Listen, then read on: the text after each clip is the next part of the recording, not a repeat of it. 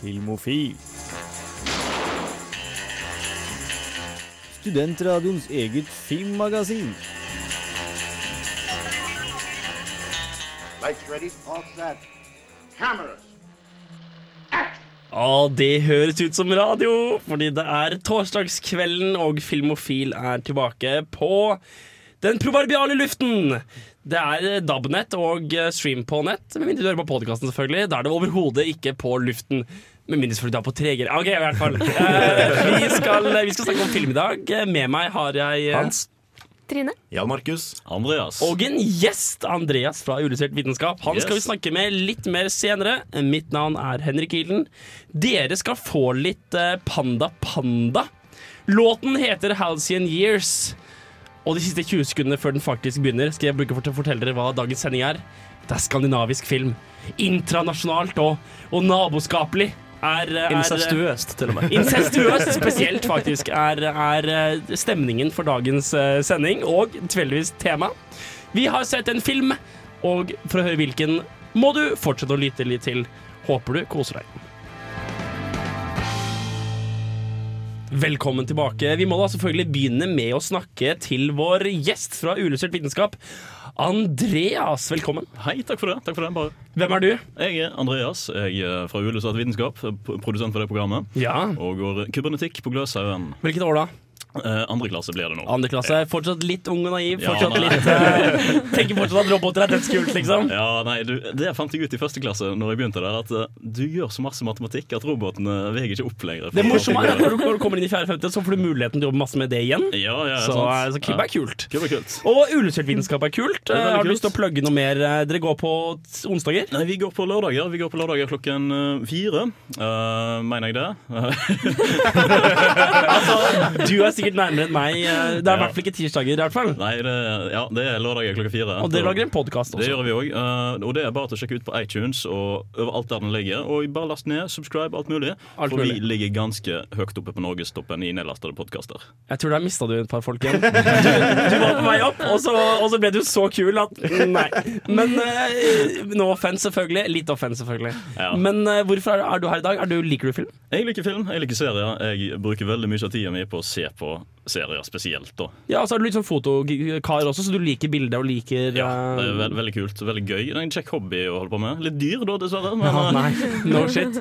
Uh, har du sett noen film i det siste? Ja, vet du hva? Nå nylig så, så jeg eh, filmen um, uh, Hardcore. Som eh, er et spesielt prosjekt. Altså, Hardcore Henry, Hardcore Henry, som vi ja. pratet om Eh, sist uke. Dere gjorde det, ja? Hva syns du? Jeg syns det var dritkult. Men, altså, filmen i seg selv var ikke så veldig um, eksepsjonelt, men det var et dritkult konsept. Ja. Jeg elsker det. Altså, Mm. det du ble liksom litt mer immersed, altså kanskje litt svimmel av uh, alle first person-bevegelsene, men Definitivt. du ble veldig immersed i opplevelsen. Også. Er det noen andre her som har rukket å se den inn nå? Nei. Nei. Det, det bør seriøst se den. Altså, Jeg har sett musikkvideoen 10-15 ganger. da Ja, men vet du hva? Altså, hvis du har sett musikkvideoen, så forestiller du deg det samme, bare med mye mer budsjett. Så er, du, er du litt nærme. Men altså, det skal sies at eh, musikkvideoene hjelpes veldig av at eksempel Bad Motherfucker er en kul låt. Det er det.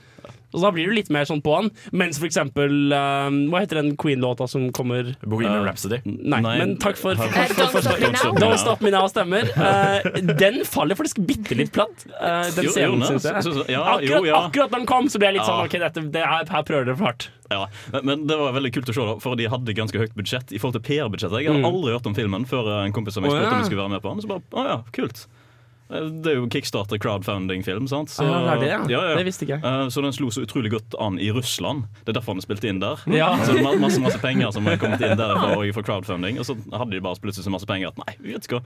Vi spiller inn en hel film, og så sender den på Ah, kinolerretet. Og så så jo satser stor film òg. De satser kanskje litt på å fly, flyte på PR-en fra musikklåta. Ja, eh, veldig mye det. Men også, altså, dette er et to år gammelt prosjekt. Da, som, altså, det, ikke sant. sånt lenge siden den crowdfundingen og den teaseren til å vise hva GoPro-en kunne gjøre. kom. Ja, ja, for det er GoPro 3, Ja. alt sammen. Ja, ja. Det er helt sykt. Ok, Topp eh, tre filmer du kommer på i farta. Um, Interstellar.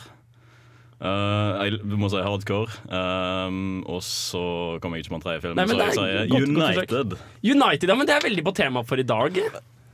Det er ikke det? Jeg liker den filmen. United, United kommer nok opp igjen i samtalen. Er det noen, Ja. noen andre som har sett noe? Hans? Jeg har sett en ganske artig film. Um, Equilibrium. Oh, Tom Cruise? Nei. Matt Damon? Nei. Nei. Faen. Christian Bale. Christian Bale. er- Christian Bale. Oh, ja, den der veldig merkelige Bale-filmen. Ja, det, det er en rar film. Eller, eller det, er, det er veldig tydelig at han ble sluppet ganske eh, raskt etter The Matrix. Ja. Um, alle går rundt i sånn veldig mørke frakker og tøft. Det, det er en dystopisk uh, framtids-sci-fi-ting eh, hvor alle følelser er forbudt.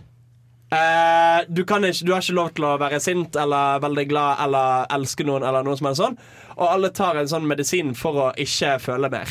Og så er det en undergrunnsbevegelse med folk som føler og samler på. Kunst, kunst er jo selvfølgelig forbudt fordi at kunst framprovoserer følelser. Eh, så møter vi da Christian Bale, som er en sånn her eh, politiagent-type som skal på en måte cracke ned på alle disse undergrunnsfølerne. Som plutselig bestemmer seg for Vet du hva? Jeg tar ikke medisinen min i dag. Og så begynner han å føle, og så bare så Nei, jeg har jo vært, vært helt på eh, feil spor hele den tiden. Og så eh, prøver han å få alle til å føle. Eh, Er det ikke han sånn, sånn, en annen kis som er i filmen, sånn superslick? Eh, Hvem andre er det han, han spiller mot en Han spiller med Sean Bean. I- mm, Ja, gjør han det? Sean- Over, overlever Sean Bean-filmen? Nei. Spoiler, spoiler warning. Spoiler warning. Han dør i løpet av de første fem minuttene. Ja vel, så det, det, her, er- det her er en litt sen sånn kommunisme Ja, og, det- og, det- og, det- og det er antipropaganda. veldig sånn hva skal jeg si? Det er veldig grunt. Ja. Eh, det er veldig sånn Å, dette dystopiske greiene har ikke dere tenkt veldig nøye gjennom. Ja, for det er jo Jeg snakket jo litt med Hans uh, om den filmen her utenom sending, og vi beskrev det jo som en B-The Matrix. Ja. Det er jo litt lavere budsjett, men så er det sånn Ja, vi, vi finner noe sånn litt filosofisk tema, kaster litt cyberpunk på det, og så har vi noen koreograferte actionscener. Altså, det er basically Snakes on a Plane, plane Matrix. ja. Wow, jeg har ikke sett Snakes on a Pain men det som gjør den kul, er at han har en del ganske kule actionscener. Fordi at i ehm, de, de har dette som heter gun-kata, som er en sånn egen kampsportteknikk i dette universet. eh, Som er basert på at siden alle er så kalde og kalkulerende, så kan en regne ut statistisk sett hvor kulene til motstanderen kommer til å fly. Og så ta, inntar en sånn geometriske stillinger og bare, bam, bam, bam, bam, for å så effektivt som mulig drepe fiendene. Og det er kjempeteit. Men det gjør at du får kamp, kampscener og actionscener som ser veldig annerledes ut enn veldig mye annet. For istedenfor at det er veldig sånn kjapp klipping og fly fram og tilbake og flygespark og alt mulig sånn, så er det stort sett bare helten som står i ro i sånne jævla snåle bajonettaktige stillinger. Yes. Uh, Hvor fett hadde ikke dette vært å se bare et utklipp av, uten å bli forklart hvorfor han gjør det? du, altså, tingene, du kan se et utklipp, og du har basically fått med deg alt som gjør filmen verdt å se. Ja, ok uh, ja, det er Så det er ikke en varm anbefaling så mye som en fortelling av en opplevelse? ikke en brennheit anbefaling. Har du noen anbefalinger? Har du sett noe du har lyst til å Um, anbefale? Jeg har begynt å se siste sesongen av Arrested Development på nytt. Er det den som er sponsa av Amazon eller Nei, Netflix? Netflix. Netflix, Netflix. det er fortsatt hysterisk morsomt, og jeg, jeg begynner bare mer og mer å sette pris på hvor jævla godt håndverk det er. Mm. Al altså, for, for de har lagd en enormt innfløkt historie. Som de forteller bit for bit gjennom hver episode. Altså, altså basically, Nesten hver episode Så får du se hele hendelsesforløpet i hele sesongen. Men kun fra synsvinkel til én person. Oi. Så du ser første episode, bare sånn Ja, men det er ikke meningen. Ja, men hvorfor? Ja, men hvem? Hæ? Så du må se neste for å forstå mer. episode. Med. Og da ser du Å ja, det var derfor han var der! Så Og så skjønner du mer og mer jo mer du ser. Og, og, og det er på en måte Det er vitser som fungerer i flere lag, for det skjer noe som i utgangspunktet er morsomt. Og så får du vite noe bak det. Å ja! Det var Ah, gøy! Og så får du vite noe bak det. Det er jævlig godt lagd. Funker det bra å se én og så vente en uke og så se en til? Eller er det som Netflix-greier med at hele greia blir på en gang, og man bør se det på en gang? Altså, jeg har kun binget det, eller kun Ja. sett en tre-fire episoder i ja. slengen. ja, for Netflix er veldig binge-vennlig, Ja. tenker jeg. Men, men den her funker veldig godt sånn, for du får ikke den Jeg vet ikke, jeg føler mange binge-vennlige serier eh, Merker du litt at de, de bruker litt tid på å komme i gang, og det er mye dødtid. Rett og slett fordi de antar at de som ser det, kommer til å bruke fem timer på å se på dette. Altså, you ain't going nowhere, liksom. Ikke sant? ikke sant? Mens her er det Altså, det er jo tettpakket. Det er sånn, Hvis du ser vekk på mobilen i fem sekunder, så går du glipp av en vits. Wow. Uh, det er så jam-packed med innhold at uh, jeg oppdager masse nå som jeg ikke oppdaget Ja, første så gang jeg så det. Vi skal ta og snakke litt mer om hva folk har sett siden sist. Nå skal dere få As He Said med Get Me Drunk.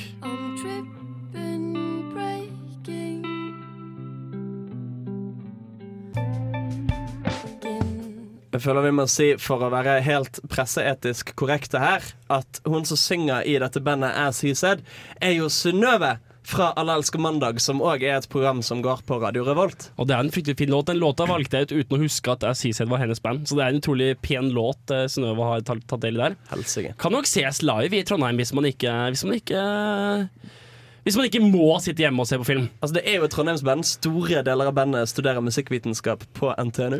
Sånn som deg selv. Sånn som meg. Tilfeldigvis. Jan! Ja! Har du sett, sett noe Jeg har sett noe siden sist. Jeg har sett den uh, filmen som jeg nesten overrasket over at ikke flere har sett. Det er Master and Commander. Yeah. Uh, tag, tagline 'Far Side of the World'. Ja, ja. Uh, og det er en film som jeg hadde i filmhylla da jeg gikk på ungdomsskolen. Noe sånt nå. Kom ut i 2004. Og det er en ekstremt kul film om det å være kaptein og sjømannskap på 1700-tallet, rundt der omkring. Hvor de da seiler rundt Galapagosøyene og jakter på den eh, franske jeg husker ikke helt hva båten heter, men i hvert fall De skal da prøve å fange et spesielt franskt skip Ja. som er og nede der og fucker til for den eh, Her Royal Majesty's Navy. Ja. Uh, og det er en ekstremt kul film, rett og slett, hvor Russell Crowe og han derre blekingen som spiller Silas, og senere Jarvis i Paul Avengers Bettany. Paul Bettany fra, Paul Bettany, ja. fra Night's Tale. ja. Eh, spiller, uh, spiller ekstremt kult, og det er en veldig sånn Veldig realistisk tolkning av hvordan det hadde vært nesten sånn historisk drama, uten at det er basert på noe Det er basert på en realistisk periode og en realistisk tid, men ikke en sann historie. Ja, for Det er basert på Patrick O'Brien-bøkene, og Mm. dem er det vel i hvert fall ti av. Og det er veldig kule bøker. Og denne filmen er en så nylig filmatisering. Jeg lurer på den beste Russell Crowe-filmen jeg har sett.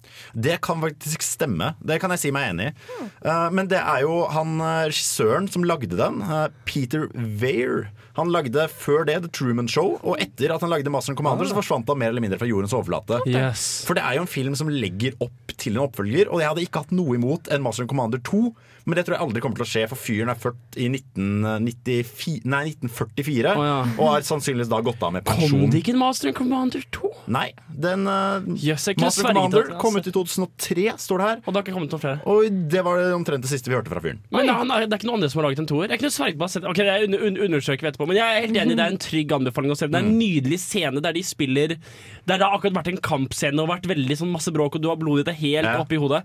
Uh, jeg mener bruser. Og så, og så roer de det ned med litt sånn kontemplativ fiolin- og cellospilling. Ja, det er helt på slutten. Og så zoomer de ut, og du ser havet, og det er bare helt sånn Wow. Den hadde jeg faktisk på mobilen min veldig lenge, den siste scenen. Ja, ja, det er Eh, fantastisk. Hvor de da Men litt, altså, ikke spoil da, for folk som skal se filmen. Nei, men i hvert fall eh, de eh, Noen! Noen. De, de driver, noen driver og prater. og de skal da Han doktoren som er med, som spilles av Paul Bettany. Paul Bettany eh, driver og forsker på dyrelivet der nede Mm. og finner det veldig veldig interessant. Så han har liksom blitt lovet da at nå skal vi forske litt på dyrene, men så finner du ut at det er noe de må gjøre. Ja. Så han, kapteinen, spilt av Russell Clove, sier da vel, uh, Steven, the bird's flightless. Uh, yes. Well, then it's not going anywhere. Og så begynner de å spille cello og Ja, er spille en bakksuite. Ja, og jeg er helt enig i at den filmen gjør så mye bra Den viser så mye bra om skipet, og den klarer også å bygge de følelsene du snakker om. Og når, når du forteller om filmen, så tenker jeg altså, får jeg den følelsen av å ha sett den. Ja. Det er en skikkelig sånn Egentlig ganske sånn filmofil film. Det er en film jeg elsker, det er en film jeg får den, den følelsen. Hashtag den følelsen av. Trine, har du, har du sett noe kult? Ja, jeg har sett en film jeg elsker på nytt igjen. Og? Drive. Med Ryan Skal vi ta det nå? Skal vi, skal vi, skal vi throw down? Jeg tenker vi kan gi en oppsummering av det. Okay. Jeg, eh, Hans og Trine liker Drive. Henrik mener det er noe sentimentalt og langdrygt piss. OK. Du likte den da igjen, Trine? Eller? Ja. ja. Så bra. Jeg likte den bedre andre gangen jeg så den, men det var fordi at jeg visste at det kommer et skille i filmen da- der Ja. filmen snur seg helt på hodet, samtidig som hovedkarakteren også snus helt på hodet. Mm, så, så i- istedenfor å liksom stå og henge mot vegger med høyresiden sin, så står og henger mot, mot veggen med venstresiden sin. Og det er noe veldig uttrykksfullt i hvordan han, hvordan han ser ut. Ok, Vi kjører en kjapp sånn laksemustest. Andreas, hva Laksemustest. Nei, Laksemustest. det, det er sånn kjemi og sånn. En rask ballemustest bollemustest ja. på Andreas. Liker du Drive? Jeg har faktisk ikke sett filmen. Det var diplomatisk som faen! Du er, der tror jeg du reddet uh, Filmofil fra en absolutt splittelse. Han har sett den. Han Den store skismen. Men, men, men, men hva, du har nå sett den da Altså Andre gang du så den, var vel en stund siden, gjetter jeg. Uh, jeg tror jeg så den for første gangen i år en eller annen gang Ja, på en veldig dårlig prosjektor i ESX. Er det ganske Unnskyld. Prosjektoren, prosjektoren gikk i svart 10 000 ganger i løpet av filmen, så jeg fikk ikke med meg så mye. Så vi så den igjen i forelesning, for Ja. vi hadde om vold i film. Mm. Og det, jeg syns cinematografien er så fin. Alt, alt har noe å gjøre liksom, Alle sekvensene de, er der for en grunn. Mm. Det er ikke masse unødvendige ting som er der. Nei, Karakterene kan stå og se på hverandre en god stund og ikke si noe, men det er fordi det er noe menneskelig med det. Mm. Sånn der er det i det virkelige liv, og sånn er det bare. Og det er veldig interessant det du sier om at dere så det i sammenheng med vold i film. Ja. Fordi filmen er jo stort sett opp til det punktet. Uh, hvor alt snur seg, så er det en veldig rolig film. Veldig sånn lavmælt, eh, litt sånn kjærlighetssorg og litt sånn Folk tar, og tar på følelsene til hverandre. Og så plutselig så eksploderer hodet til en person på nært hold, og du, liksom, du ser kjøttdeig sprute utover veggene. Og det er, det er en sånn slags brutalitet i det. At vold er ikke nødvendigvis pent bare fordi filmen ellers er en pen film. Ja, det er veldig sant. Soundtracket til filmen er så nydelig å Night, høre på. Nightcall? Ja, Den er så fin. Alt er så er fint, og alt har, alt har en mening. Det viser til karakterene som er med i filmen. Hvis du hører på sangtekstene og sånn, Mm. så hører du at de mer eller mindre snakker Det høres ut som de snakker om karakteren i filmen. Ja. Og jeg syns det gir så mye. Men hva, hva er det foreleseren sa om volden i den filmen, da? Hvis du husker det? Nei, okay, never mind! Never mind. Okay, greit, Jeg tror da jeg satt, jeg satt etter filmen og bare Jeg elsker den filmen her, men bare Ja. den, Nei, There will be a quiz. Nei, men da, da, da ringer vi eh, foreleseren til, til Trine i mellomtiden. Eh, Ikke for å, ikke for å eh, rattle på Trina, så det skal bare finne ut svaret. Vi skal høre Inculcado med 'Dance My Way'. Du hører på Filmofil. Filmofil gir deg nyhender fra filmen og fjernsynets i spanende vær. Og da setter vi over til vår lille nyhets... eh, faste nyhetskorrespondent. Trine må gå. Vær så, vær så Åh, god. størrelsen min blir jo bare Yay! Um, vi har uh, Forrige sommer eh, så ble det jo um, announced at uh, det kommer en ny Underworld-film. Yay! Så Underworld 5. Fem. Fem. Uh, den har nå fått en offisiell tittel. Yay. Eh, aller først, hva er Underworld? Det er en film hvor en, en sykt pen dame som heter Kate For Fordi selvfølgelig er Kate? Beckinsale. Eh, Kate Beckinsale i en skin tight eh, sånn læreroutfit. Og så handler det om masse greier. Varulver og vampyrer, tror jeg. Altså, det, det, det, det begynte jo som veldig sånn uh, lavbudsjett uh, horror-goth-action. Men de fikk med Michael Sheen. Og de filmene er faktisk litt kule pga. Michael Sheen som eh, Uber-werewolfen. Ja, nettopp. Jeg søkte opp Underworld her på IMDb nå, og jeg kjenner igjen coveret, for det har jeg sett da videoleiebutikker Ja, fortsatt var en ting. Ja. Det er en typisk videoleiebutikk. Det er sånn veldig Ja, sånn. Du går der så bare sånn Ser du på coveret, og ingen kan noen film. Sånn, hva, hva skjer her, egentlig? Den har da fått tittelen Underworld Blood Wars. Fordi selvfølgelig. Fordi, selvfølgelig. Fordi jeg mener, hvordan har de ikke allerede brukt den? Og det er liksom Charles Dance som er med i Game of Thrones. Ja, Tywin Lannister. Ja, Han skal jo også være med i filmen her. Har ikke han vært med før? Jo, Jeg vet ikke, jo. jeg tror kanskje du han har vært med før. Ja, Bill Nye har jo også vært med. Har Bill Nye vært med i Underworld-serien? Ja, ja, ja. Bill Nye the Bloody Crazy Guy? Ja, ja, som er en av Kom igjen, Hans, du, du, Hans, du, du klarer det. Bill Nighy. Uh, kjent fra Hot Fuzz, uh, oh, ja, jeg Love er Bill Actually, Nye the Science Guy. Da, da, da the ja, ok, greit. Britisk skuespiller kjent for stemme og kjeve. Ok, greit, ja, men da, da OK. Jeg skal bare lete frem litt her. Um, det kommer jo en ny Spiderman-reboot nå. Ja! uh, om et par år, tror jeg. En, neste år eller året etter Den er på vei. Den er på Ja, den er på vei. Den har nå fått en logo og en tittel. Eh, logoen ser litt sånn gammeldags tegneserieaktig ut, og den heter Spiderman Homecoming. Jeg føler at Spiderman er litt sånn en pasient eh, doktor ikke vil la dø. Står der, står der sånn med, med defibrillatoren som bare 'Ikke døp meg!' Og det er, der har vi Amazing Spiderman. Der er jo en reboot til. Ja, men altså, reboot, det er Spiderman reboot-serien og det minner veldig mye om alle Sonic-spillene som kommer. Det er ingen, ingen gode Sonic-spill som kom siden Ja, vet ikke Jo, men jeg vil jo påstå, altså for det første uh, Amazing uh, Spiderman-filmene, altså de to siste Spiderman-filmene som kom De har- sugde ikke kjempehardt. Nei, tingen er at jeg likte de, selv om de har fått ganske kollektivt slakt i alt av media. Um, Det som er tingen her Og problemet med reboots av superheltgreier er at de alltid må ta en jævla origin-storyen. Ja. Men her har du da en Spiderman som for det første dels spiller videre på den kanonen som ble etablert i rebooten sist nå, og som dels allerede er etablert fordi han skal være med i uh, Civil War. Yep. Så da slipper du alt det pisset der. Og tittelen 'Homecoming' tyder jo på at dette skal tilbake til Peter Parker som high school-elev. Og det er kult. Ja. Det at han faktisk kan være den litt sånn nerdete, hengslete kisen på high school. Ja, for denne filmen kommer etter den fellesfilmen Aven Ikke Avengers. Um, Captain America Civil War. ja, War, ja, Ja, okay. Fordi at De har jo fått uh, Tom Holland, som er 19, til å spille Peter Parker. Ja. Og Homecoming skal liksom være uh, Det er Homecoming på high school. Så kult. Og det er homecoming for karakteren Spiderman. Han Han er tilbake Han er på en måte tilbake i Marvel. Kult. En annen ting som uh, jeg òg har lest om den filmen, er jo at de får med seg en Altså et uannonsert knippe andre Marvel-karakterer i den filmen. Altså Marvel låner tilbake karakterer til Sony eh, for den filmen. Det er kult, da. Ja. At de gir opp litt IP for å få kule, kule, kule filmer. Ja, Til alles beste, egentlig. Um, flere ting har fått en tittel. Um, det kommer jo en 21 Jump Street uh, og Men in Black eh, crossover. Kommer den faktisk? Ja, den kommer. Den Nå kommer er han faktisk. Nå er jeg husker jeg hørte rykte, men jeg trodde det bare var et rykte. Nei, den kommer. Og den skal hete MIB23. Som da skal være en eh, Som da skal være en fortsettelse. eh, Mest mulig være en, en eh, fortsettelse på 22 Jump Street. Og en reboot for Men in Black-universet. Er det, er det rett og slett fordi nå, du, du kan nesten ikke snakke så ille. For de har vært på high school, de har vært på college.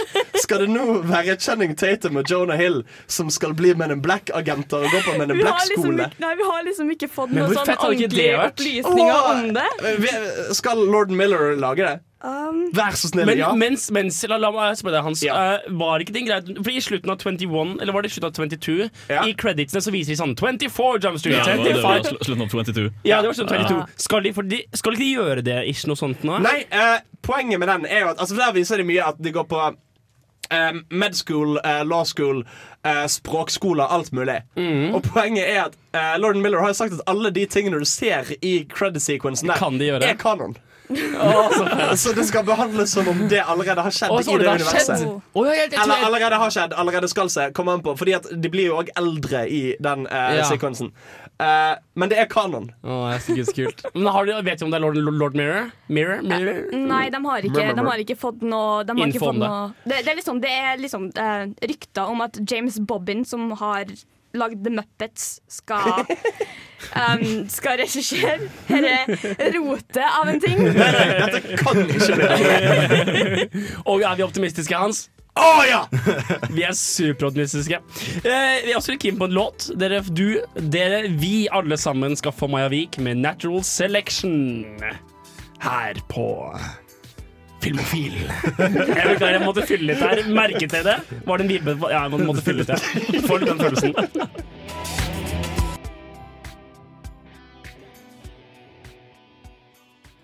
Nyheter. Ja, det har vært MTV Movie Awards Har du det? i helga. Yes. Ja, det er enda en av de der veldig dumme, egentlig, prisutgivelsene. Det Altså, liksom har sånn, sånn Best Kiss. Det er veldig, veldig lite markedsført i Norge. Jeg har ikke hørt om at det var. Nei, ikke jeg Um, um, jeg føler, det, det var på Snapchat. Eller, du hører jo stort sett om det når Miley Cyrus har vært nesten naken på det. Ja. Ja, det er sant, det. Og nyheter fra det. Um, vi, det er Charlies um, Gud, hun har så hva Charlize Theron. Ja, hun Vant hun for Mad uh, Max? ja, hun vant for beste Best Female Fimale. Female Femme fatale. performance. Kult. Og så, Ja, men så bra. Uh, Straight Out on Compton vant uh, True Story. True story, bro. De har seriøst en Og ja, selvfølgelig fordi det er adapted. Ja. det. Gud. Og så vant eh, Star Wars Episode 7 vant Movie of the Year. Nei, gjorde den det? Ja, med Daisy Ridley vant Breakthrough Performance. Adam Driver vant uh, Best Villain. Så, så Star Wars sweepa MTV Movie Awards? Yes. Ser litt sånn ut, ass. Jeg tror jo at det er nesten et litt bevisst valg ved det. Fordi hvis de hadde gitt akkurat de samme prisene som Oscar-akademiet, så hadde de ikke hatt noen ting kontroversielt eller noen nevneverdig ved seg. Fordi det er sånn, ja, ok, Vi ga de samme prisene som Oscar-akademiet, ja, ok, men da står Oscar-akademiet over Mm, dere. I motsetning, hvis de sier Star Wars vinner alt, så er folk sånn Vent nå litt, hvem er det som sier at Star Wars vinner alt? Og så får de masse PR. Men samtidig, det virker som MTV Movie Awards er mye mer um, forbrukerorientert prisutdeling Ja. enn uh, Oscar er. Som i veldig stor grad er um, utøverne sin prisutdeling. Ja, for da er vi tilbake på det Frida snakket om, som er at Oscar typisk sett er masse gamle hvite menn som liker cinematografi. Ja, sant? Ja. Men så får du plutselig Straight Out of Compton, som faktisk får anerkjennelse. Ja. Ja, Men da Ryan- synes da synes jeg at Steve Jobs burde fått noe. Fikk, Fordi- fikk Steve Jobs noe? Nei, han gjorde ikke det. Uh, Ryan Reynolds vant for Best Comedic Performance. I, Og- I Deadpool, da, kanskje? Ja, for Deadpool. Ja. Og da når det gikk opp, så var det en haug med dansende Deadpools baken, tydeligvis. Funka det? Jeg vet ikke, jeg har ikke sett det. Jeg Jeg har bare bare hørt om det. Jeg tror vi ikke går for langt hvis vi skal hete at det ikke funket sånn kjempebra. Um, Suicide Squad har jo eh, holdt på med reshoots nå Ja. i en evighet. Og uh, folk sier at det er fordi at de har for lite komedie i filmen. Nå har både Jay JJ Abrams? Nei, Jay Courtney, Mm. som spiller Captain Boomerang, og regissør David Ayer kom ut og sagt at vi reshooter fordi vi, må, vi skal ha flere actionscener i filmen. Jeg lurer på hvor mye det er tilfelle av at Suicide Squad er offer for at standardene heves hele tiden. Å nei da, det er fordi Batman v Superman gjorde det så dårlig. Er det det, ja? Den, den tjente jo masse masse penger, men den ble jo ganske slaktet av kritikerne. Og veldig mye av dette er jo grunnet Zack Snyders eh, hat for alt som er lyst og håp. Uh, så de tenkte liksom OK, vet du hva, Deadpool tjente skitt-mye penger. Det er det kidsa vil ha. Vi må investere noen penger her, spille inn noen scener på nytt. Og gå fra dyster og grått til gøy og action.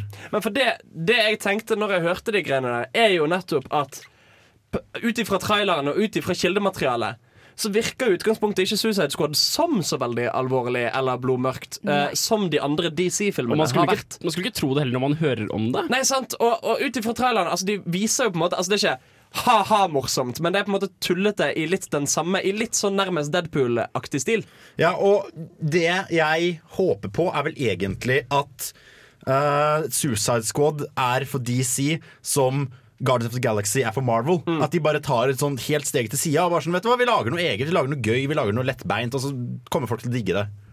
Ja, og det er jo uh, definitivt tilfelle av at det ikke har kommet noen særlig sånne filmer de siste årene. Så de har definitivt et marked å utvide seg og prøve ut litt nye ting. Og ja. Det er på tide at superheltfilmer blir populære igjen, tenker jeg. Ja, ikke sant? Og det, men det eneste er det jeg er redd for, er jo at nå At vi kommer til å få noen lappeteppe hvor annenhver scene er dyster og mørk og grå, og annenhver scene er spilt inn på nytt og kjempemorsom. Hvor alle er litt eldre. Men du så jo, de, de kom jo nettopp ut med ny trailer. Mm. Og det ser jo veldig morsomt ut, egentlig. Men hvis de har hatt alle de morsomste bitene sine i traileren, blir jeg litt nervøs. Ja, for det kan jo fort være at de har tatt en eller annen Kan være at de har, Nettopp, ja. Skal jeg bare, bare snakk. Ja, det kan Så jeg- har du tenkt å fullføre, Er eller? De har, eh, kan det hende at de har Hæ? De har tvunget en eller annen intern til å si OK, folk vil ha morsomme filmer nå. Her har du råmateriale. Eh, Du får ikke mat, for du har klippet sammen et eller annet folk ler av. Make it funny! I wanna laugh, damn it! Um, jeg tar eh, to trailernyheter i ett. Ja. For vi har fått en ny trailer til Fantastic Beast and Where to Find Them. Mm. Og første teaser-traileren for Doctor Strange. Ja, har de, men, ja, fordi Doctor Strange er den Benedict Cumberbatch-filmen. Ja. Og fellesnevneren er fantasi satt i en engelsk kontekst. Gi meg, f- gi meg engelske fantasifilmer for 500, Alex! Jeg beklager. Ja, det var litt, litt, litt, litt, litt gammel referanse der. Det var bare, Jeg ville bare ta det Var de, var de kule, da? Ja, vet du hva? Jeg syns den var kjempebra. Eller Dr. Strange viser um, backstoryen til Dr. Strange mer eller mindre i en trailer. Hva er det? Hva er, hva er Dr. Strange for noe? Jeg har ingen anelse, men, men jeg likte traileren. Poenget mitt er at jeg har ingen forkunnskaper om Marvel.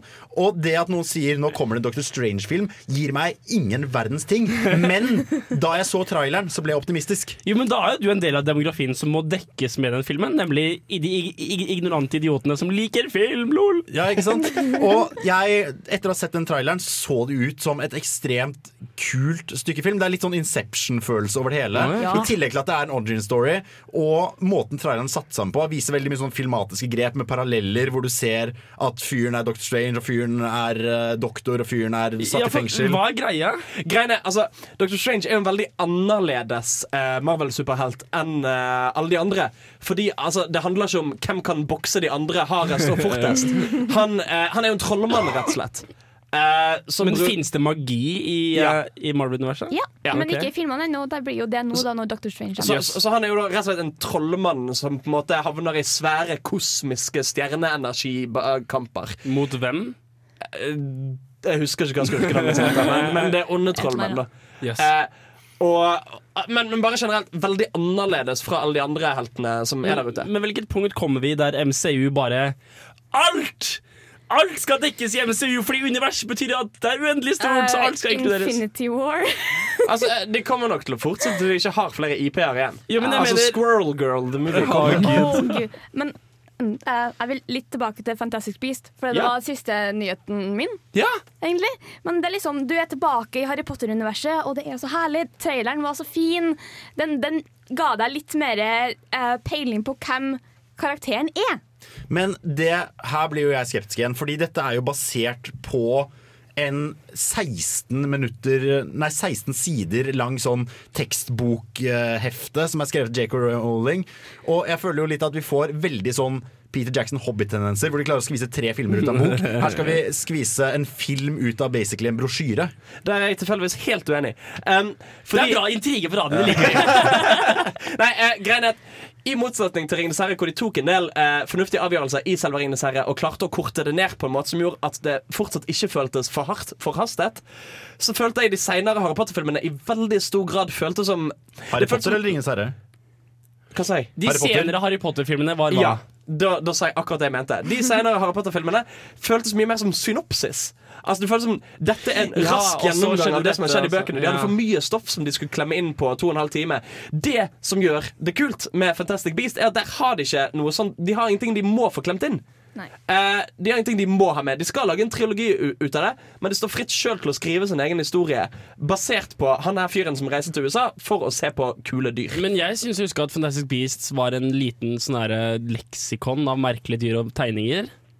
Eh, altså Fantastic Beast and Where to Find Them er navnet på en av skolebøkene. Ja, til, ikke sant? eh, Det de tynn hefte med bilder Det ble gitt sånn. ut et hefte eh, som bilag til eh, Comic Relief eller et eller annet sånt. Som veldedighetsgreie i Storbritannia. Men jeg hadde en sånn bok. Ja, det, Ja. det er et kort hefte, og så er det liksom et oppslagsverk med forskjellige dyr. Noen som ble nevnt i Ja, bøken, og noen de, hun bare fant opp i farten. Så ditt argument er at i forskjell til, i forskjell til de senere Harry Potter-filmene, der de måtte presse mye inn i noe, og det ble veldig sånn synopsisfølelse, mm. så er det her heller kunstnerisk frihet av å kunne utvide på denne lille IP-en som finnes. Ja. Fordi det, er jo, det virker jo litt som at det er en film som forklarer hvordan karakteren skrev boka, eller hvordan han fikk liksom inspirasjon til å skrive jo en fet- At det ikke bare bare det, det kan jo ikke handle om at der er det dyr, der er det dyr, der er det dyr. Det, det funker jo ikke sånn. Det blir jo mer Naturdokumentarer. See font eating grass. Slånsenfont. Åh. Og Eddie Redman virker ganske grei som Det er gøy å se han i en rolle som ikke er sånn her, La meg spille enten transe eller handikappet eller et eller annet for å få Ja. en Oscar, for faen! For at det var litt morsomt når det bare sånn Når han har den kofferten sin og bare sånn Muggle approved. Så legg ned. Men vant ikke Eddie Redmayne en uh, Oscar? Jo. Jo, for Han. Theory of Everything. Ja, så nå, er det, nå kommer han til å gå inn i den, den der Robert De Niro-fasen, hvor han bare gjør ting bare for å kunne få penger til å føre på Eller fordi familien. syns det er gøy. Det trenger ikke være så kynisk, Henrik. Gøy. Gøy er å blø, mann! Å blø! Apropos ikke å blø, men apropos ha det gøy. Uh, skal vi nå høre Lindstrøm med 'Closing Shot'. Vi har sendt ut en representant for å se um, en film. Det var meg. Uh, det gikk på tredje forsøk. Ja, fordi skal vi, skal vi gå inn på det? Først så skulle du se en, en, en temaaktuell film, nemlig Huset. Som er en norsk skrekkfilm. Norsk-tysk. virker kjempeinteressant. Ja! Og, og, og det var, det var da så, så interessant at du sov til sånn to timer etter at den var ferdig. Nei, nei, nei, jeg sov til en ha Jeg sov til idet han begynte. Ja, akkurat. Og du følte ikke at det med, med seg siste halvtimen var like givende? Nei. Og så Michael Moore, den nye Michael Moore-filmen. Ja, Som også er kjempeinteressant ut. Ja. Uh, Where to invade next. Og der er til og med Norge inkludert. Ja. Så det er til og med fortsatt litt sånn tangentielt interessant for skandinavisk ja, ja. film. Men For meg. Ja, okay. uh, men ny nye Jungelboken-filmer kan også være interessant for folk allmenne. Ja, og der klarte jeg det. Med god margin. Jeg sto opp klokken åtte. Jeg satte på alarm for å gå inn på rommet til Hans og sjekke at han var våken. Var jeg våken, Jan Markus? Du var våken. Men det er produsentinnsats, Jan. Det er sånn som gjør det er du som er produsenten her. Men jeg var så Jungelboken, og jeg er faktisk glad for at jeg gjorde det. Skal vi rulle? Rull. Hadde vært så smooth med hva du hadde gjort det. Det hadde vært så smooth, men istedenfor måtte du snakke sånn. Når Disney annonserte at de skulle lage en ny versjon av Jungelboken fra 1967, var den kollektive responsen å trekke på skuldrene. For de fleste virket det som et klassisk forsøk på å spille på nostalgieffekten, samtidig som de oppdaterte copyrighten sin, og når det kom fram at det òg skulle være en blanding av live action og CGI, så gikk en fra likegyldighet til skepsis. Likevel har resultatet blitt veldig severdig, og heller enn en direkte gjeninnspilling har de valgt å adaptere Kipling-boken på nytt. Litt som med Lego-filmen kunne dette ha blitt en uinspirert cash grab, men resultatet har blitt virkelig bra. Ikke en klassiker som Lego-filmen, men fortsatt en knallfilm. Come on, Mowgli. Let's be on our way. But I'm helping Baloo get ready for hibernation. Bears don't hibernate in a jungle. Not full hibernation, but I nap a lot. Vi møter Mowgli, en tiåring som er oppdratt av ulver. Det blir tørketid, og tigeren Shere Khan kunngjør at han vil drepe Mowgli så snart det begynner å regne igjen. For å beskytte flokken bestemmer Mowgli seg for å dra og oppsøke menneskene sammen med panteren Bagheera.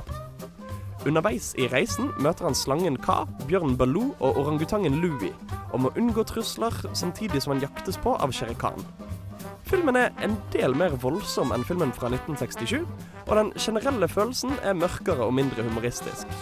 En får virkelig følelsen av at Mowgli er en gutt på flukt fra et formidabelt rovdyr, og at Bagheera og Baloo må som voksne dyr skjerme barnet fra den truende naturen.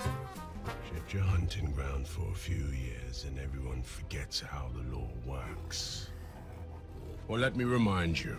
A man cub becomes man, and man is forbidden! På tross av at filmen til tider er skummel og mørk, er det et virkelig godt budskap som ligger bak.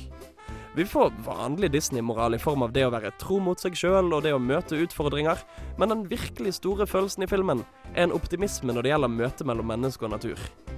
Mowgli må underveis finne menneskelige løsninger på utfordringene han møter, og bruke verktøy, tau og ild for å overleve. Han bruker ofte dette for å hjelpe de andre dyrene, f.eks. For, for å hjelpe Baloo å skaffe honning. Filmen gir et bilde av at natur og teknologi kan brukes sammen for å hjelpe hverandre, heller enn at det trenger å være en motsetning der. You are a man cub who wants to live in a jungle. How do you know that? Kid, I got ears. My ears got ears. Only I can protect you. Forget about your worries and your strife. Rent visuelt er filmen òg veldig fin å se på.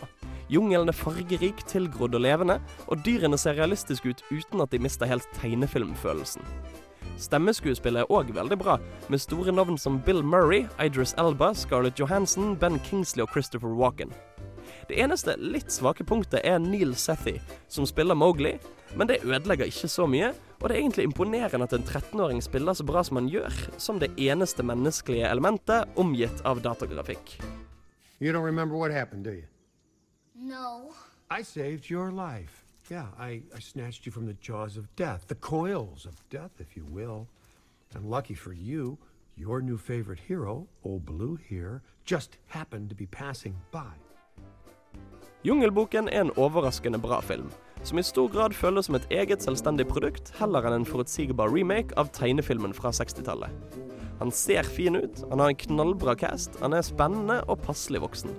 Det eneste jeg konkret har å utsette på filmen, er at det er et par sangnummer som føles litt malplasserte, og som gjør at filmen til tider føles litt tonalt ujevn. Utenom det så er det en sterk film for de litt større ungene, og som voksne òg kan kose seg med. Det har hørtes så veldig kult ut, da. Ja! Jo, men det var det. Um jeg, jeg satt jo og så han sammen med Jens Erik, som skulle anmelde han for Adressa. Og vi ble, vi ble jo begge litt sånn Herregud, dette er jo faktisk en bra film.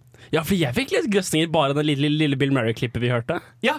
Og, og det, dette er jo Det er jo litt som Jeg får de samme vibbene, det nevner jeg jo så vidt i anmeldelsen, som med Lego-filmen.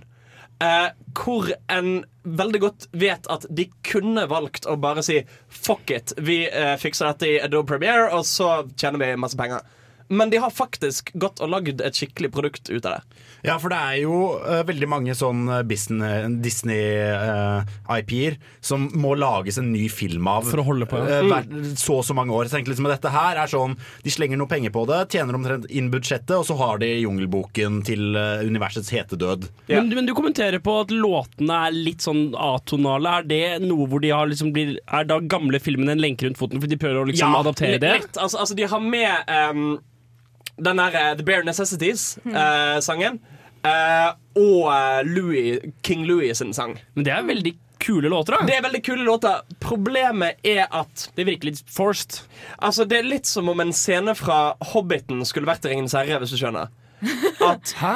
Oh, ja, Jeg falt av. det, er sånn, det passer ikke helt Fordi inn. filmene er så annerledes. eh, oh, ja, sånn, ja! Fordi- At det er veldig dypt og veldig ekte, og så plutselig bare wow, King! Altså det, får, det, det har en mye mer Jeg vet ikke helt hva skal jeg si Realistisk blir på en måte feil, men det, men det har en litt mer sånn alvorlig og em, mørkere og, og mer realistisk eh, fil på seg, rett og slett. Og så synger de litt, og da i Baloo-scenen funker det, for det er på en måte Baloo som er goofy og sånn. I Louis-scenen så blir det veldig sånn Å ja, du skulle synge Å ja, å ja, å ja, å, du skulle synge hele sangen. Fint. Men tror du det hadde vært forskjellig hvis du ikke hadde sett uh, originalfilmen? Da tror jeg nesten det hadde vært verre, Fordi at da hadde jeg ikke skjønt hvorfor. Ja. For, for, for som seer nå, så skjønte jeg jo Å ja, men det er fordi det var i filmen. Aha, ok For de, gjør, de gjør veldig smarte ting med det. I, I scoren, som egentlig er ganske sånn streit, typisk filmsoundtrack, så har de jo brukt mye av musikken fra Disney-tegnefilmene fra 60-tallet. Eh, og vevd det inn i orkesteret.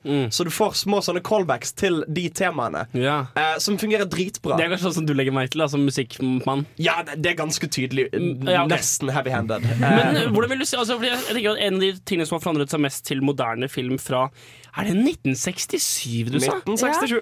Herregud, den filmen Siste holder seg filmen godt. Walt Disney produserte sjøl. Fordi, fordi Annes trailer har nettopp kommet ut med en for Jungelboken fra For- 1967. Å, så kult! Den må jeg se. Anders trailers på YouTube. Ja. Eh, men det jeg lurte på En av de store tingene som har forandret seg fra 60-tallet, ved siden av liksom Reagan Eller når, når, når Reagan var 80-tallet. Ja, beklager. Altså, jeg, kan, jeg, jeg, mente egentlig å si, jeg mente egentlig å si Kennedy med månen og alt. I hvert fall. I hvert fall. Fall. Eh, de som har forandret seg, er rytme og Ja. aksept for uh, rolige biter litt ute i plottet. Og da ser jeg for meg at Hvis de skal prøve å adoptere den, så blir det enten veldig hastete, eller så blir det veldig sånn stakkato. Ja, nei, pacingen er generelt veldig bra. Uh, det er en mye Hva skal jeg si han, han er på en måte både raskere og treigere enn originalfilmen. Fordi al altså, altså klipperytme og sånne ting er mye hyppigere og Nat- na- eh, na- høyere tempo på enn det var. Nok, ja. Men det tar en del tid før denne filmen kommer i gang. Eh, fordi eh, du får liksom med hele liksom Origin-storyen? Eh, ja, or basically. Eh, eller du, du ser først en del hvor Mowgli lever sammen med ulveflokken, og en del Mhm. der og sånn. Så, så det er på en måte Det tar litt tid før ting begynner å skje, og, og, og hvor det bare er liksom etablering og eksposisjon. Og så ca. en halvtime ut i filmen begynner faktisk plottet. Men du må jo ha en sånn uh, origin story hvis du skal begynne å plugge det inn i Disney Expanded Universe. Ikke sant? Oh, nei. Nei. vi, vi, nei, vi, trenger ikke, nei, vi trenger ikke noe Disney Expanded Universe. En siste positiv ting. Uh, skuespilleren som spiller Mowgli, er faktisk inder. Hey! Eh, og Hollywood har jo hele denne hvitvasking-greien sin Ja, med ja. Of Egypt. Så det ble ikke Pan? det ble ikke pan. De har faktisk en ikke-hvit kid i hovedrollen for en gangs skyld. Og det, Gode gud, vi lever virkelig i 2016. ja, it's a modern world out there, liksom. Nei, men kult. Eh, Vi skal eh, begynne på skandinaviske filmer og dets mørke, liksom Selvmordspregede noirstemning kan kanskje være en liten Hva skal vi si, liten kontrast Liten til en liten, liten motsestil til denne vidunderlige filmen vi akkurat hørte om, som vi da anbefaler. Anbefaler. Virkelig. Og for å liksom eh, få en litt mer moderat stemning får dere nå Ja, moderat med Reminder. Og eh, vi skal snakke om skandinavisk film, men hvorfor?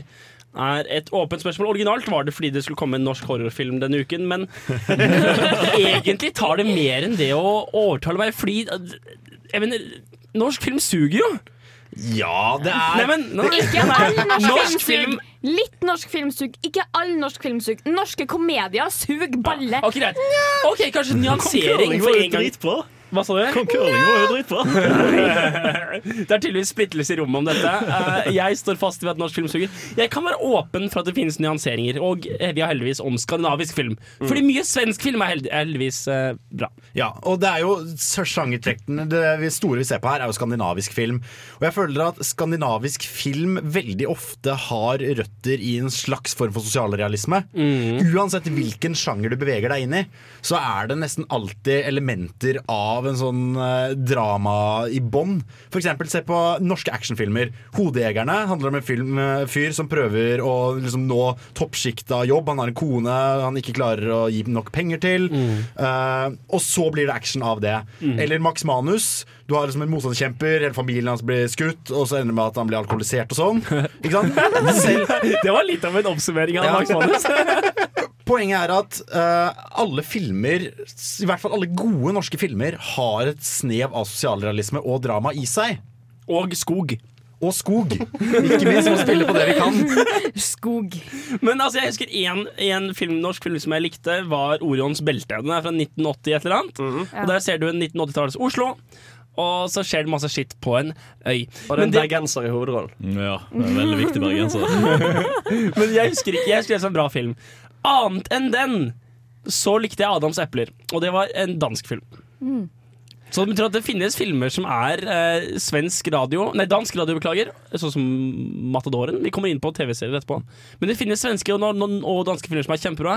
Hvorfor suger norske filmer så hardt? Vi har Oslo 31. august. Var det den selvmordsfilmen? Kanskje. Er det den som begynner med at han prøver å ta livet av seg? Det, i den, Ja, i den, Ja. det stemmer. Ja. Uh, og det er jo også da er vi tilbake på hva Skandinavia gjør best. Nytriste filmer om folk med selvmordstanker og liksom uh, bare ekstrem tristesse. Og det å passe inn i et samfunn. Jeg vil påstå det er en annen ting vi faktisk får til, Uh, nemlig uh, ungdomsdrama. For eksempel, har dere sett den meget, meget koselige filmen Bare B? Nei. Ja, ja, det har jeg. Veldig, Ja, jo, ja. veldig faktisk uh, koselig film. Uh, om da en uh, Altså det å være ung, det å plutselig være i den hvor alle begynner å miste jomfrudommen, eller sier de har mistet jomfrudommen, og hun ber da angivelig den eneste i venninneflokken som ikke har pult ennå, og sånne ting. Ja, for det husker jeg, altså, når det var Den film som kom ut omtrent når jeg var 15-16 år, så det var veldig passende i alderen. Og det var, alle sammen hadde sett den filmen, og det er jo tydeligvis en film som Ja, ja. en snakker om enda. Og det, og det faller òg inn i en skandinavisk tradisjon hvor svenskene òg er altså, flinkere enn oss på akkurat samme filmer som eh, Hipp eh, hip, hip, Hora oh, ikke den og der. Fucking Åh. Yeah. Eh, og, og den typen altså, altså, altså, litt, litt sånn som Skam gjør nå. Det å ta på alvor problemstillinger eh, en har i tenårene, og faktisk lage gjennomført bra filmer rundt det. Jo, for dette er jo veldig mye reflekterer veldig mye det Jan sier om at det vi er, det vi er gode på, er liksom å å, og se oss selv skikkelig hardt i speilet. Ja, rett og slett. Det er, men det er det Skandinavia gjør best. Og så føler jeg på en måte at vi har litt sånn særegenheter innad også. Jeg føler at mye dansk film er litt sånn rølpete. Tar seg ikke selv så seriøst. Du har sånn clown movie. Veldig mye dansk animasjon, som f.eks. Terkel i knipe. Og jeg så nylig den danske animasjonsfilmen Ronald Barbaren, som også er veldig den samme stemningen. De liksom snakker om puling, og de snakker om drikking, og folk sitter og røyker joints selv om de på en måte er på middelalderen. Eh, og det er en slags litt sånn care tilnærming til veldig mye av det som er alvorlig. Og så har du på en måte det norske, som er en slags mellomgreie hvor de prøver å være morsomme, ikke får det til. Og så har vi Sverige, som er ekstremt gode på nettopp dette realistiske, jordnære, samfunnsrelaterte. Det å finne seg selv, det å passe inn, det å føle at du står utenfor. Rett og slett hele den menneskelige opplevelsen i et skandinavisk samfunn. Ja, fordi klisjeen er på en måte at finsk Finsk humor, og det lærte jeg i dag. Fin Finland er ikke en del av Skandinavia, det er en del av Norden. Frida, Frida Sveen Hempel, som dessverre ikke kunne være her i dag fordi hun har bedre ting å gjøre, visstnok. Jeg, jeg, Ja. Hun skulle hun skulle ha snakka om dansk film. Ja, hun skulle snakke om dansk film. Å, herregud, hun har jo gått på dansk filmskole! Hvorfor har ikke vi henne? Og der fikk vi dekket det. Vi skal, eh, vi skal høre litt låt. Um, nei, vi, vi, vi skal faktisk høre på låt, faktisk. Eh, Vi, vi, vi kommer tilbake inn på eh, mørket med ukens hjemlekse, Insomnia. Så hvis du hører på podkasten og ikke har rukket å se den, så kan du gå og se på Insomnia nå fra 1997, stemmer det? Stemmer. 1997. Dere skal få Cold Creek med Fogg. Eh, Du hører på Filmofil, og eh, ja Jeg håper du setter pris på det. Du kan like oss på Facebook da, hvis du, hvis du liker oss litt. Du trenger ikke å like oss så veldig, egentlig. For å like, ok, ja. Like oss uansett. Ja, hva gjør det? Ja.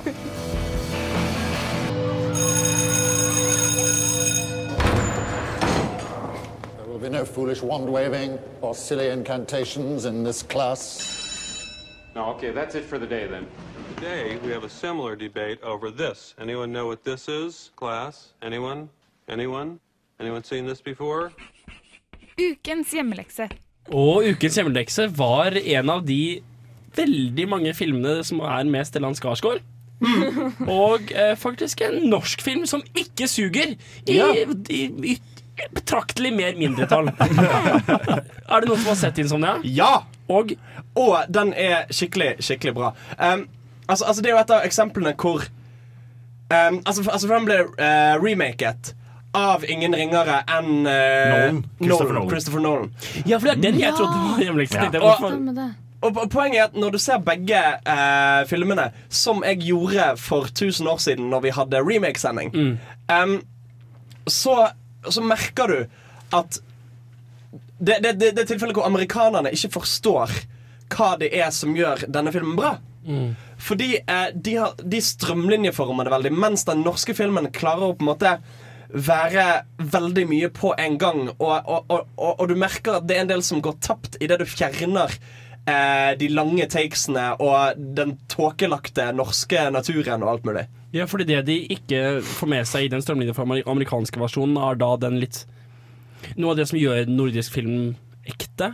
Litt, er Ja. den utaktheten. Og det er det at, at, at du klarer å lage sammensatte figurer Syns jeg på en helt annen måte. Fordi han hovedpersonen i Insomnia er jo en fyr som Altså Hele, hele, hele hovedpoenget er at han ikke får sove. Og i, eh, han er kalt inn for å løse opp eh, en sak og hjelpe politiet der. Og basically bare kuker alt opp mer og mer og mer, for det er midnattssol og han ikke får sove. Og han prøver å rydde opp i feilene sine og gjør flere feil, og så går alt til helvete mer eller mindre. Og det som, det, det som funker så bra, er at han er, karakteren er jo en fyr du forstår. For du har jo vært jævla trøtt sjøl. Mm. Du vet hvordan det er, og så plutselig driter du deg ut av helvete. Og nå må jeg rydde opp i det Og så gjør, tar han dårligere og dårligere avgjørelser, og, og typ forgriper seg på en 15-åring. Og, og, og bare feiltolker alle mulige signaler, og, og klarer å være Altså, altså det, det, det er en sånn rar måte han klarer å være kjipere på en litt mer sånn Altså ikke i stor skala, men i veldig sånn inderlig skala. På en annen måte enn amerikanske gjør, samtidig som du sympatiserer med han. Samtidig som du heier litt på han.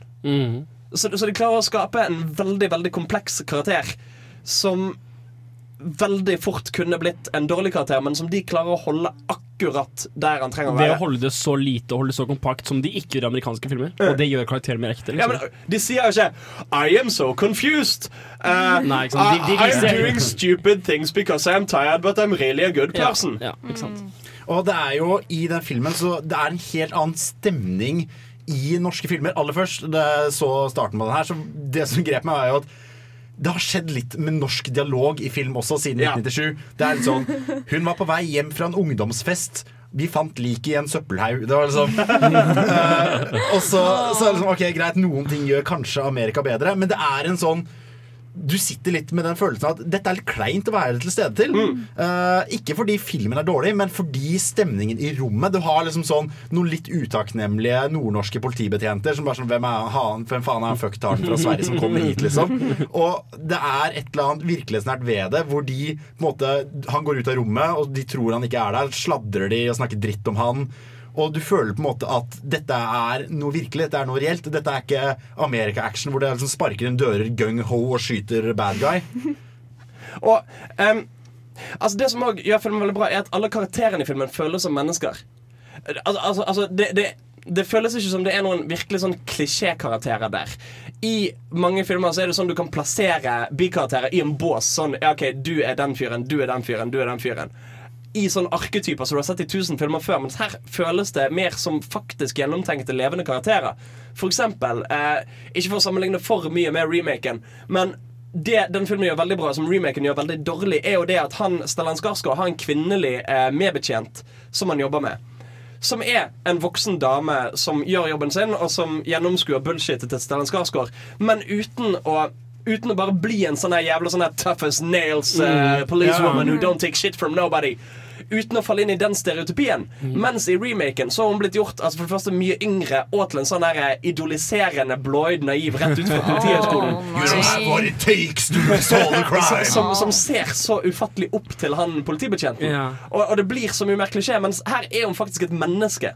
Som tydeligvis har egne ambisjoner, eh, egen arbeidsmoral. Du, du, måte, hver avgjørelse hun tar, gir mening ut ifra det at det føles organisk og levende. Men da har vi noe på, en måte, på ukas tema skandinavisk film å reflektere over. da Fordi Hva er det som gjør at denne filmen klarer å være Og kanskje egentlig mange nord nordiske filmer klarer å skape realistiske karakterer og unngår veldig mange av de karaktertropene som vi kjenner fra Hollywood-film? Er det pga. at nordisk kultur er så forskjellig, eller gjør vi noe Har vi noe sånn kulturell bakgrunn som gjør at vi er flinke til å lage troverdige karakterer? Eller er det det at disse folka snakker vårt språk, og derfor ser vi dem mer nyansert enn når vi stereotyper amerikanere? Altså, jeg, jeg vil tro det har å gjøre med at em, Norske filmskapere lager ikke like mye film som amerikanske folk gjør. De har, de har, de har, de har ikke rukket å lage seg Nei, nei, nei, nei, nei. Fordi sånn jeg ser det, mye av det som gjør at jeg føler at norsk film føles teit og uekte og barnslig og sånn, er jo når norsk film prøver å lage film på amerikanske provinser. Ja, ja. og, og, og, da- og, da- og, og da begynner å ta i bruk amerikanske klisjeer. Burning, for eksempel. Eh, for eksempel. Mens det som gjør bra norsk film bra, er jo nettopp at de unngår klisjeer. For det er folk som må gjøre det, fordi at de har ikke lagd nok film. De har ikke nok erfaring til å få de klisjeene til å fungere. Altså, I Avatar så har du liksom folk som sier I didn't sign up for this shit. Og det fungerer fordi at, fordi at de vet hvordan de skal gjøre det. Mens norske regissører har ikke erfaringen til å kunne gjennomføre sånne ting. Så da unngår de det fullstendig og må finne på egne nye ting. Jeg tenker jo at det er en litt sånn tilfelle av at vi ser på det med en sånn litt mer nysgjerrighet, fordi det er uvant å se på Å se på nordisk film. Jeg tenker spesielt det med sånn Altså Det har vært ganger hvor jeg har sett på nordisk film og tenkt at dette er sånn skikkelig noe som kunne skjedd utafor huset mitt. Du ser liksom eh, den derre La den rette slippe inn. Enda en remake-film. Og tenker at det der er jo rett som blokkene rundt hjørnet, liksom. Yeah, det der ja. virker så ekte. Det er snø, og det er folk OK, det var dårlig, dårlig bruk, men, uh... Men sånn må det jo på en måte bli. For, altså, norske filmer har jo ikke budsjettet heller til sånne enorme produksjoner. Det må jo på en måte foregå i en bakgård et sted. Ja. For det er vi har. Og det kommer kommer oss kanskje til gode, for vi har lært å bygge med det. Vi skal snakke om eh, ukens eh, filmlåt, som er fra en Astrid Lindgren-film. For å finne ut hvilken, så må du høre på bitte litt til. Litt til, jeg klarer det. Det var ti grunner til at norsk film er. Dere får Kloroform med squeeze her på Radio Revolt. Ja. Nei! Faen! Jeg beklager for at jeg banner her på Radio Volt. Der ble jeg rett og slett lurt av eh, Kloroform med squeeze. Ja, ok, greit. Eh, Vi snakket om eh, nordisk eh, film og dets mindre lyse side. Jan? Ja, og Hans nevnte jo dette med at de ofte har hatt eh, De har ikke et amerikansk budsjett. Og Norge og Skandinavia og Sverige har jo en lang filmtradisjon med å ikke ha stort budsjett. Mm. Så de har lært seg opp igjennom å spille på det de klarer å gjøre bra. Og det vi klarer bra, er naturlig lys. Naturlig, naturlig lys og triste mennesker. Fordi triste mennesker og naturlig lys trenger ikke millioner av dollar i budsjett. Og du, du trenger ikke I en sånn film så trenger du ikke ha eksplosjoner, du trenger ikke ha biljakter. Men du kan fokusere og perfeksjonere nettopp det menneskelige og det realistiske som vi har pratet om litt allerede. Og så har jo heldigvis Ikea eh, er jo da et møbelvarehus som har, har perfeksjonert møbler som ser litt sånn triste ut i, i, i, i, i sånn skumringslys. Så er det ingenting som ser så trist ut som Ikea-møbler. Og det er bare perfekt. Men altså, jeg føler jo Jeg snakker om det hver gang jeg skal snakke om skrekkfilm. Eh, men, det, men det du ser i skrekkfilmverdenen som jeg, jeg, jeg føler lar seg overføre til nordisk film, er jo nettopp det at det å ha et lavt lavt budsjett òg tvinger folk til å ta i bruk kreative løsninger. Ja, akkurat. Eh, vi har ikke råd I skrekkfilm så er det typisk Vi har ikke råd til å lage et kjempesvært CGI-monster. Mm, mm, mm. Hva hvis vi bare filmer sånn at det er utenfor framen, og så blir det skumlere? Folk er redd for noe du som ser, ikke får se. Og jeg bare det! At det lar seg overføre til andre filmteknikker enn eh, skrekkfilm. Og det er jo litt på den måten tenker jeg kanskje at nordisk film har utviklet seg som en, som en sjanger. Det her med Altså, det er jo Lars von Trier Nå, nå burde Frida vært her. Det er jo Lars von Trier som har introdusert Altså dogmekonseptet! Ikke sant? Skal ha naturlig lys. Skal, hva hvilke andre ting er det hun ville sagt? Jeg gjør det i hvert fall. Eh, og det er jo grunnen til at alt dette kommer fra det nordiske området. Og vi kan jo kalle det for nordisk noir. Nå husker ikke jeg hva definisjonen på noir er. Noir er vel egentlig at det er en enkel og Opprinnelig så er det, var det én enkelt lyskilde. Så du får veldig sånn halve ansiktet er opplyst, halve ansiktet er mørkt, og du røyker sigar og venter på en Dance with Distress. Finsk komedie, da, Man drar, man Nei, eh, mer sånn gammel oh, ja, sånn er det, ja, akkurat. Gammel hvor du har sånn trenchcoat Ja, og skal ut og skyte bad guys fordi She walked into the office with leg that Ja, ran ja. from her thighs to her Ja, feet. I didn't know what she wanted, but it was not good news. Nei, but somehow I had a feeling that it wasn't good news. The dame looked me straight. Så det er noir, altså. Og det var jo opprinnelig så er det jo fordi noir på fransk er mørkt. Eh, og det har da blitt en sjanger som veldig ofte er knyttet til enten krim eller litt sånn dystre sånn un, uh, samfunnets underside. Ja. Uh, og hele den sjangeren der. Så da som dag. For jeg vil si Ja. Dag er Altså Dag er- tematisk noir, vil jeg si. Men det ser ikke ut som noir. Altså, Sin City er jo en veldig stilisert utgave av det. Ja. Men jeg, jeg, jeg lurer på om Vi har veldig ateistisk kultur i Skandinavia. Jeg lurer på om det også har en sånn påvirkning på filmkulturen vår. For vi er veldig nihilistiske, vi er veldig realister. Ja, vi, er går- veldig sånn, vi ser døden veldig sånn i øyet. Og det går til veldig det nøkterne. Og Ja, litt sånn akkurat. Nå fikk du nøktern til å høres veldig kunstnerisk ut. Nøkterne inntrykket av Ok, ah, Står du og kaller meg Jeg beklager. der? glasshus. Vi skal ta høre Spider-God med Best Kept Secrets. Hvis du holder ut litt til, så får du en Astrid, Astrid Lindgren-låt. Si fortsatt ikke hvilken det er, men det er en jævlig god en, altså. Det er, og det er, det er en av de du ikke har hørt på kjempelenge. Som er skikkelig koselig, liksom. Men jeg kan love deg at du har hørt den før. Hva gjør gir du meg? Hæ? Hva gir du meg? For at du har hørt den før? Det, det var, nei, det var mitt. Humor.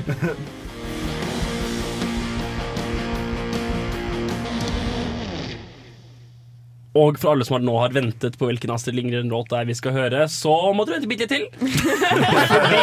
vi, vi, skal snakke om Astrid Lindgren-filmer først, som en veldig sånn kulturdefinerende filmsjanger, vil jeg nesten si. Ja, og det er uh, en veldig stor del av skandinavisk kulturarv, vil jeg si. Det er i hvert fall eh, i, Hvis du har oppvokst opp i Norge, så har du hvis du er vår generasjon, sett på et eller annet tidspunkt Astrid Lindgren-filmer på VHS. Ja. Og det er Det kommer inn med morsmelka, rett og slett, fordi det er et veldig koselig stykke håndverk.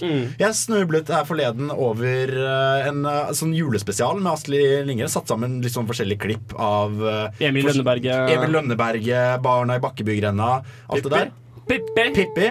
Uh, og det var en liten sånn kavalkadegreie, og jeg tenkte liksom Ja, men det, det så jeg på da jeg var fire, liksom. Jeg Ja. vokst fra det. Men det er jo Fy faen, så koselig det er! Det er Men det har en dimensjon for de voksne, liksom. ja! ja, det er kjempekoselig. Og det er, det er faktisk barneskuespill som er verdt noe. Og jeg skjønner ikke hvordan de fikk det til. Ja, men det er faktisk utrolig fascinerende, for det husker jeg når jeg var litt mindre. Så satt min far og så på sammen med meg. Satt, satt og så på Emil og koste seg skikkelig. Han koste seg nesten mer enn hva vi, jeg, vi barna gjorde. Men hva er, det han, hva er det ved filmene som du tror han liker, da? Jeg vet ikke, Det kan jo være noe nostalgisk med at han så på det sjøl når han var yngre. Jeg- Men, men, jeg tror, det? tror det er bare den lettbeinte humoren og den koselige stemningen og, og liksom det nordiske nordisk preg over det. Ja, for det holder seg faktisk. Ja, og det er, eh, det er veldig det du sier med at det er koselig. Det er veldig en verden der hvor bekymringer egentlig ikke er så store. En Du ser, du ser hele programmet er sett gjennom et barns øyne. Ja. Hvor på en måte Emil har For eksempel den hvor Emil inviterer de fra Fattighuset på julemiddag. Så er det Det er ikke et sånt stort statement om at det, det er ski- klasseskille i samfunnet. Det er eh, liksom store store temaene rundt. Her er det bare et barn som gir mat til noen fattige fordi han synes det er hyggelig å gjøre. Det er jo bare koselig! Og det er bare koselig. Og uh, det er en eller annen sånn naivitet som er utrolig sjarmerende og veldig fengslende i disse filmene og seriene. Fordi det lar deg være litt barn igjen, uansett hvor kynisk du er. Og jeg er en kynisk faen, og jeg lot meg smelte. Og det er jo et eller annet med det, føler jeg, som gjør at at, at, at barne, barnefilm og barne-TV kan være myntet eh, Kan la seg nyte av voksne uten at det skal være myntet på voksne. For i mye, mye av det en ser nå for tiden, og særlig eh, ikke-skandinavisk barne-TV, er jo i veldig stor grad eh, Senket veldig det på det Ja. nivået. Sant? Og, og, og, og veldig, veldig kynisk, veldig pengefokusert. Sånn OK, masse eksplosjoner og actionhelter og Bayblade og alt mulig sånn. Eh, Beyblade er kanskje litt seint nå, men uh, Jo. Nei, nei, nei, ikke don't ruin it. Don't, don't, don't it. men, men, men poenget er at det er så gjennom det så- det som gjennomsyrer et pengefokus og alt mulig sånn. Men så her er det ting som bare er lagd for at det skal være bra, gøy og sjarmerende. Og med en god følelse. Og da, på en måte, da er det et eller annet som slår gjennom, selv uten I mange animasjonsfilmer så ser jeg noe sånn Og så er det litt sånn grove vitser som går rett over hodet på de små. Ja, de voksne kan undersøke. Det får du ikke i Pippi er eller sant. Emil. Og det er litt som Jan sier, at det er noe eget. Det er en egen verden. Det er litt sånn folkeeventyraktig følelse, kanskje, Mm. over det hele. Og hvilken låt er det vi skal høre? Det er hvordan skal man uttale Hu gjera meg sånt barn han var. Fra? Fra Emil, selvfølgelig. Sing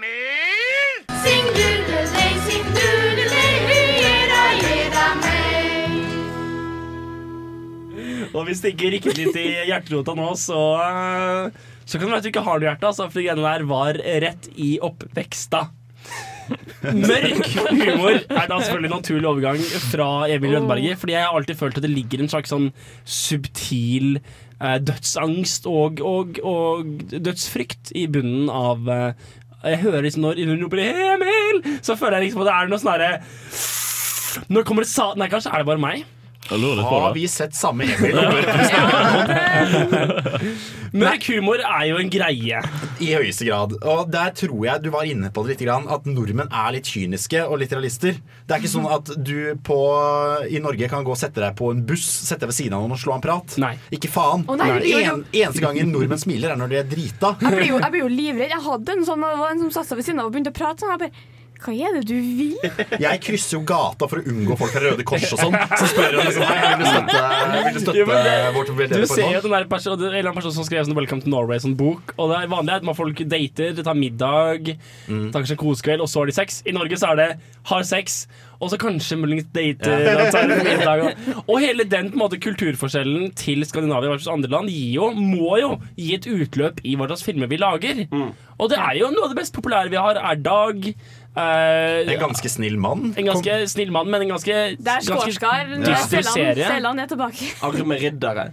Hva var det for noe? Uh, basert på en uh, Jo Nesbø-bok, så vidt jeg vet. Uh, med et knippe norske skuespillere som har spilt i alle andre mulige norske filmer. Eh, en gjeng med folk som jobber på en fabrikk hvor tidligere fengselsinnsatte er ansatt. Alle har sånn her eh, bettingpool eh, i Lotto. Plutselig vinner de, og så er de plutselig litt mange som skal dele premien.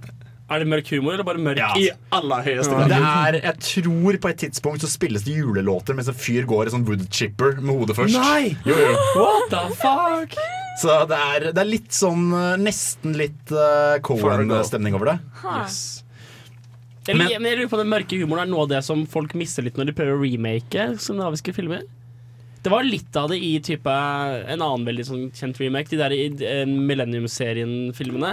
Ja, Hvor eh, remaken er en veldig vakker David Fincher-film. The Girl with the Dragon Tattoo. Mens originalen som du syns er bedre, Hans. Det kan hende jeg har sagt det. Jeg har ikke sett uh, Fincher-utgaven. Du er preemptivt hipster. Men kanskje vi bare har det så ille i, i Skandinavia at de forstår ikke de forstår Ja, ikke USA. De, de har det litt bedre enn oss, de skjønner ikke helt hvor jævlig vi har Ja, eller det. eventuelt det at det å være så negativ er bare kjipt og bummer. Men altså, det er jo en veldig norsk eller veldig nordisk greie. Da. Du har det derre ishavs... Nei, faen. Gisle Stursson, eh, i- Island, islendingsfarende sagaen i hvert fall. Hvor han liksom blir, han blir han, ho- Helten vår blir liksom drept med, et, med en pil i brystet. Og så river han ut pilen fra hjerterotet og sier han åh ja, ja, man skal ikke klage så lenge man fortsatt har eh, Eller nei, man har levd godt når man fortsatt har fett rundt hjerterota, sier han, og så dør han. Det, er litt sånn, det er litt sånn den galgenhumoren da, som er litt norsk, og litt, som er litt skandinavisk. Ja, nei, jeg tror absolutt du er inne på noe der. Og det er eh, Skal vi se hva jeg søkte opp her nå. Eh, du har jo f.eks. også i Oslo 31. august, som er en helt sånn blodseriøs film, så har du også en litt sånn hyllest til det melankolske og på en måte det også fokusere på det. Og der er det en scene hvor han sitter på en kafé. Og Det er aldri lagt opp til at det skal være morsomt, men du ser på en måte og hører på alle menneskene rundt. Mm. Og da får du utdrag av samtaler sett fra en utenforstående på en sånn veldig kynisk og veldig fremmed måte. Mm. Og da får du på en måte humor i det at du har en tenåringsjenteklubb som driver og snakker om noen som skjøt seg selv med hagle. Og det er, det er på en måte ekstremt dystert og veldig sånn makabert å høre på 14-åringer snakke om hvordan hjernen hans bare spletta ut. Da, liksom. Mm, mm. Eh, men, og så får du også en sånn dissonans ved det som også gjør det gøy. Ja, ikke sant? Og det er den dissonansen som jeg synes er veldig, veldig interessant, fordi um, noen Life is Beautiful-type filmer, altså La Vita Bella, italiensk film, der er det liksom at at livet er drithardt og alt er dritvanskelig, og sånn men det går bra til slutt. Og så ender de opp i en eller annen åker med sol og, og stekte røde tomater. Holdt jeg på å si. Og da, da er livet bra fordi alt er bra på slutten. Mens norsk film er mer sånn at ja, men realiser det, mann! Du kommer til å dø alene! Og livet kan være bra likevel. Har vi sett den samme du? Vita Bella? Ja, det er masse nazister og sånn, er det ikke det? OK, i hvert fall. eh, vi skal høre Great News med, eh, Great News, eh, med eh, Secrets. Mens jeg muligens må oppdatere litt min eh, Min, min, min, min, Det, det mørke Astrid Lindgren-universet og det meget koselige og lykkelige. OK. eh, great News med Secrets på Filmofil på Radio Revolt.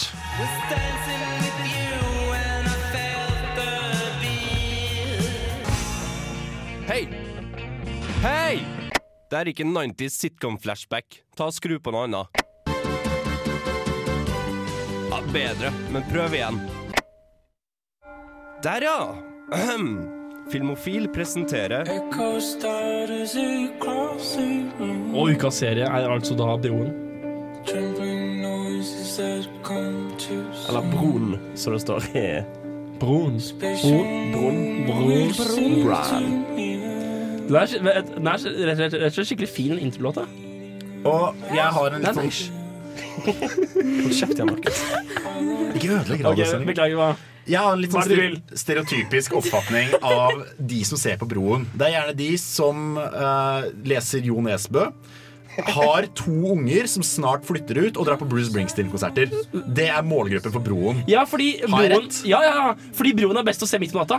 Du bør helst se broen når det akkurat begynner å da, daggry begynner akkurat å bryte. Det er litt sånn grått litt sånn grått og mørkt. Og det er da du skal se broen. Fordi hele serien er filmet akkurat i den type lys, eller i totalt mørke. Og det er også en mørk serie. Vi har prata mye om mørk humor og, og norsk og nordisk noir. Og jeg føler at broen er et veldig godt eksempel på det. Det er litt sånn, litt sånn kombinasjon av Luther og liksom Sherlock, kanskje, bare uten alle de kule bitene. Ja, for det var det jeg hadde tenkt. Men altså, det er visuelt pent på samme måte som Sherlock. Ja, nei, det jeg tenkte jeg faktisk å sammenligne det litt med, for det er jo sånn makabre mord og litt Ja. sånn Ja, stilistisk eh, fremstilling av krim. Og Luther er noe som nesten, bortsett fra at det er på sånn kulturmessig hvordan de snakker med hverandre og sånn, så er Luther ekstremt britisk. Men det kunne vært en nordisk krimserie Ja, av- hvis de ja. hadde tatt det ut av London og gjort det, liksom satt det midt i Oslo istedenfor. Ja, for Luther er litt mer gangster enn en nordisk krim kan være, føler jeg. Mm. Men bortsett fra det aspektet så er jeg helt enig, deg, og, enig med deg. Og, og Broen er eh, kul. Altså, for de som ikke har sett det, så bør dere virkelig sjekke det. Det er på NRK, det er i hvert fall på Netflix. Sjekka du om det var på NRK, Hans? Ble jeg noensinne bedt om å sjekke Nei, nei, nei, nei, du, jeg, jeg, ja, jeg så det, det var på Det er på NRK. Greit. Takk for deltakelsen hans. uh, så så det, vi, det vi snakker om, er en serie som handler om De finner en person drept på Sto- Storbeltbroa, er det ikke det den heter? Og det er et lik som er delt i to. Perfekt delt, altså sterilisert, eh, kuttet i to. Og det ene, den toppbiten av dama ligger på svensk jord. Og den nedre biten av dama, en annen person til og med, ligger på dansk jord. Og så blir da en eller annen sånn utrolig uh, autistisk svensk dame som kjører rundt i en utrolig pen Porsche 911, gammel, gammel grønn. Nydelig bil.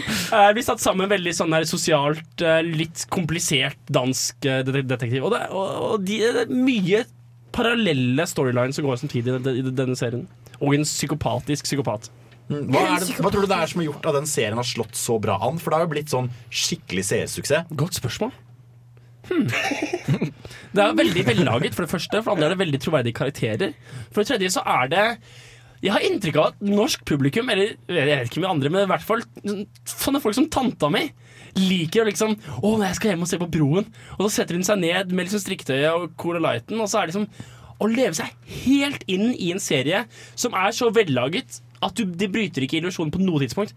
Du blir, blir sugd helt inn, og så bare får du stemninga i deg, og så bare lever du innholdet i serien i den hele timen. Og den er så vellaget at jeg tror det er veldig mulig. Samme som Matador, samme som Fanny og Alexander. Nå er ikke de like mørke, men de er like helhetlig vellaget, tenker jeg da. Og har masse forskjellig plott. For det første, Hvordan har du klart å hale deg gjennom Fanny og Alexander? Å, nei, nei, mamma, mamma liker det. Jeg, okay. jeg gjetter.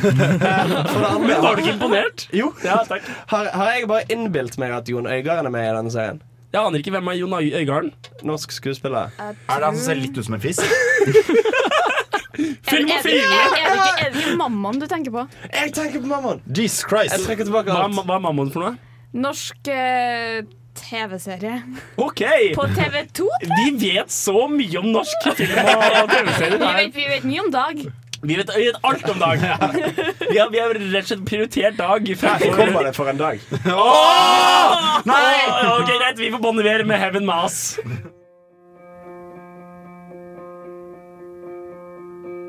Og det var altså da ukens eh, sending. Eh, vi er helt tom for ting å si. Eller, nei, det var tull. Nei, for vi, har, vi kan begynne å snakke om neste uke. Det er sant, Vi kan bare begynne preemptivt på neste uke. Ja.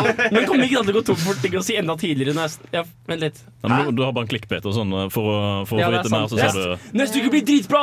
Du aner ikke hva som kommer til å skje med Hans neste uke.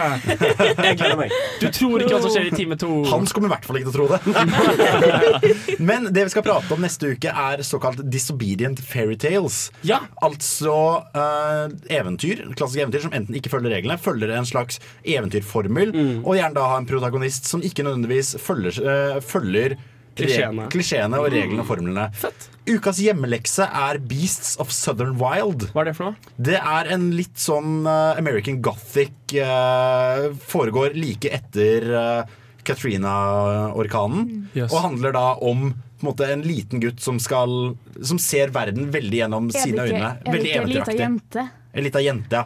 Sant det, jeg så filmen da jeg var drita. Må ikke forveksles med Oi! Beast of eh, No Nation. Nei.